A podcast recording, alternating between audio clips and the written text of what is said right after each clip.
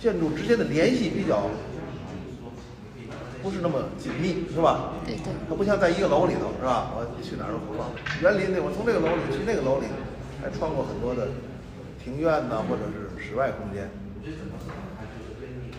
所以我怎么能够把这些松散的啊、分散式的建筑连起来？这个我们要有一个啊，就我举个例子啊，我可能把屋顶都一层嘛，把屋顶连上，你得有这这种想，对吧？这样人可以，嗯，建筑就可以串在一起，明白吧？可以畅想，好吧？我明白这意思我我看他他有是吧？他的设计可能有外廊的这种，啊，对对对，外是建外廊还建筑重建，还有外廊也是一个传统的仿手法，知道吧？是不是？再可以再那什么一点，知道吧？外廊，但是外廊这个这个方式比较现实，比较可行，但是呢，我感觉设计感还不够，嗯，明白这意思吧？啊，当然这廊我可以穿，就是我是想，就像一个飘带一样，我可以在在在建筑中穿行，知道吧？也可以啊，再然后再回到院子去，是不是？是的，那是这将是我们是我们建筑学院，建筑学院，那我们自己的学习空间还那得我们充分发挥我们的想象，给我们创造自己的学习空间，对不对？明白意思吧？好吧？哎，这样的话我就打开你们的一些思路来，哎，这样设计出来就是，呃，其实简单说，你这方案好和不好，怎么评价？其实最简单一评价就是有没有设计感，对是不是？有没有设计感？，philosophy 哎哎，那是什么什么词？什么词 那个 philosophy。philosophy，哎哎哎，对对，也是一种 philosophy，对对，就是说，呃，把一个就是，你比如说，我相信你们把这个这个这个整个的设计给它做好了，啊，挂在上面也也不错啊，这个这个我觉得能做到，但是你呃，philosophy 或者有设计感，人家让人一看完之后眼前一亮，是吧？看完之后就就感觉到特别有有。邻里感动，对对对对对，心里心里发生感动，这个是一个好的东西啊，是吧？好吧，这样我就希望你们后面的，就是还得把你们这个这个思维放开一点，是吧？但是你我这么，我就刚才说这种这这种做法呢，是你你也找着你的依据，不是不能说我我海阔天空在这儿在这儿这个漫无目的的畅想也不行，就是我有依据，我为什么要这么做？哎，但是我这么做呢，而且还还带来了多什么样的好处？啊而且这这种做法呢，一般人别人想不到，啊，这是最好的啊，一个设计。这个这个，我们讲的设计呢，呃我不知道你你是哪国哪国人？嗯，马来西亚。马来西亚啊，你中文怎么样？哎，比他好点儿。呃，从从小就在说。从小在说，对对，你华裔，你是华裔对吧华？裔。马来西亚的我们的学生就是英中文，所以我我们设计就是怎么叫一个好设计？其实我用简单的一句话，这是我们这不是我们建筑界，也是别的那个领域的，这是艺术界里叫情理之中，意料之外。明白吧？你可能能知道，他不像那个情理，讲道理，哎，哎，你说那道理确实确实有道理，意料之外，哎，我怎么想不到呢？这个，是不是？这叫好的设计，就情理之中，意料之外，啊，啊，就是，哎，你有道理，你怎么讲？确实，哎，这怎么你想出来，我想不出来？就是是这么一这一个好的设计，好吧？咱们努力的往这边儿，那个那个。往这边努力吧，反正那方向能达到是吧？好吧？行，你们还有什么事儿、有问题，咱就沟通交流。谢谢老师。嗯呃，然后那个我们那个那个那个呃张博士就给你们把握进度啊，我我只管你们方案，哎，好不好？怎么能够把你们方案能够修改的更完善一点？那个呃张博士配合我呢，就是关键是进度把握啊，他们我看有点参差不齐啊，对对对，进度把握的时候再再再这个再整齐一点啊，因为最后我们可能还做个大模型吧，大概是。做个大模型，然后后面后面的工作量也很大，还得写论文，是不是？还得写还得写论文呢，啊？你说是不是开题论文？不是，我们这个这个阶梯得有论文吧？哦哦哦，对对对，对对研研究论文。对，研究，对对对，研究。你想有有论文，这大概两两万是两万五啊，论文这个是方案模型啊。所以说我说前面往前赶，往前做老师还是要做那个真实模型，啊。还要做那个真实模型。这这就是做这模型，我五年级还不做这个，肯定要做的那他们线上呢？啊。他们线上呢？线上通学。不知道，我看这我得教看教学组安排的，剩下的这都是教学组安排的，我就不知道了。我问问线上的？他不能怎么线上的？那个龙安利为什么不来呢？是什么原因呢？没问。没问，你知道吗？嗯，不太清楚。不太清楚，这这是你们那个你你们老乡啊。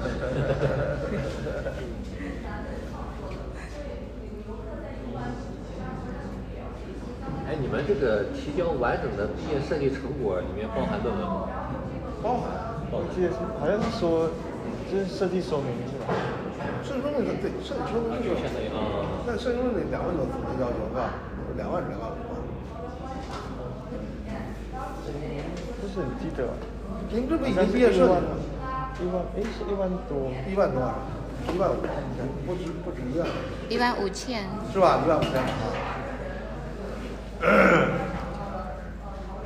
那在后面很紧张的，所以把进度啊，那每天让他们在每次就把握一下进度，看看到什么程度了，到行行行，够了没够是吧？因为因为我是不太主张后面你们都熬夜是吧？是吧？我们这个以前我们上学是熬夜是偶然偶偶然偶偶尔的，现在成常态了是吧？啊，你这几年上是不是啊？就熬图啊，就啊，是什么？熬夜画图。熬夜画图。熬夜啊。是不是成常态了啊？不是现在现在不可以，我老了。你啊，你老了是不是？不可以熬夜哦哦哦，身体不行了是吧？我感觉太行。我感觉不是，我说我就说他们普遍的是不是很很多呀？呃，之前大一、大二比较多，然后还得后面就后面就呃容易累。容易累，那当然那当然，尽量不熬啊。我觉得为什么说把进度往前提呢？就后边你宽松一点。但是有时候你要真是后面工作压的太多了，对。你完不成了，被迫的不熬也不行了，是不是？但是我们希望进度往前赶的，好吧？这到时候由张张老师给你把握一下。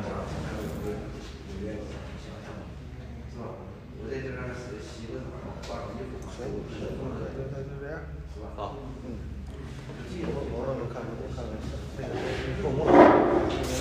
十八张、二十四张的无所谓了，你得拆拆吧，对吧？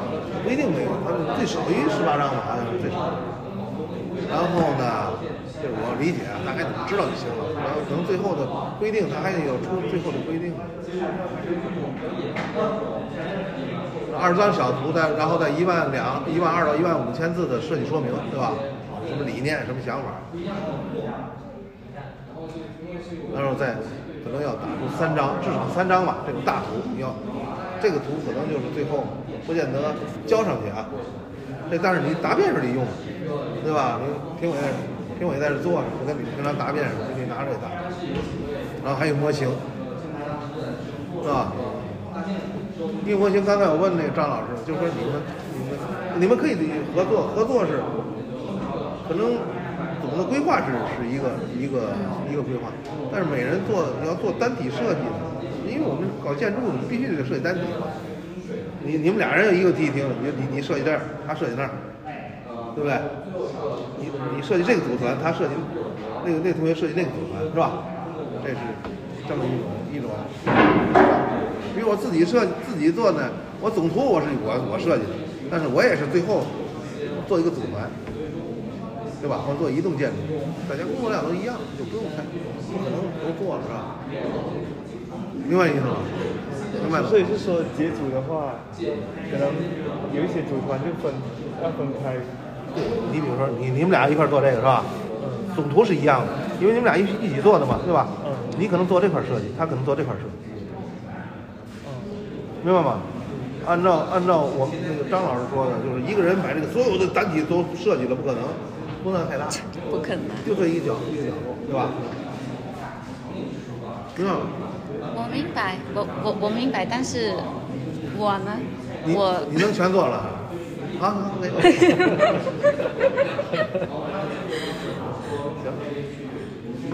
所以你你你最好别熬夜啊，别熬夜，你这完不了快。可能要每天要做的。对，行。那我们几组的话，那个图纸那个量，我刚才说了嘛，对，就是呃，刚才说了，是一样的，一样的，呃，对，你们俩是一样，你们俩只是说，你们俩在合作一组，只是共用一个总平面图，其他的工作你们俩分着的，你做你的，他做他的，就是说我要三张 A 一，哎，对他也是。哦你不能你们俩加一块儿三张，那不行。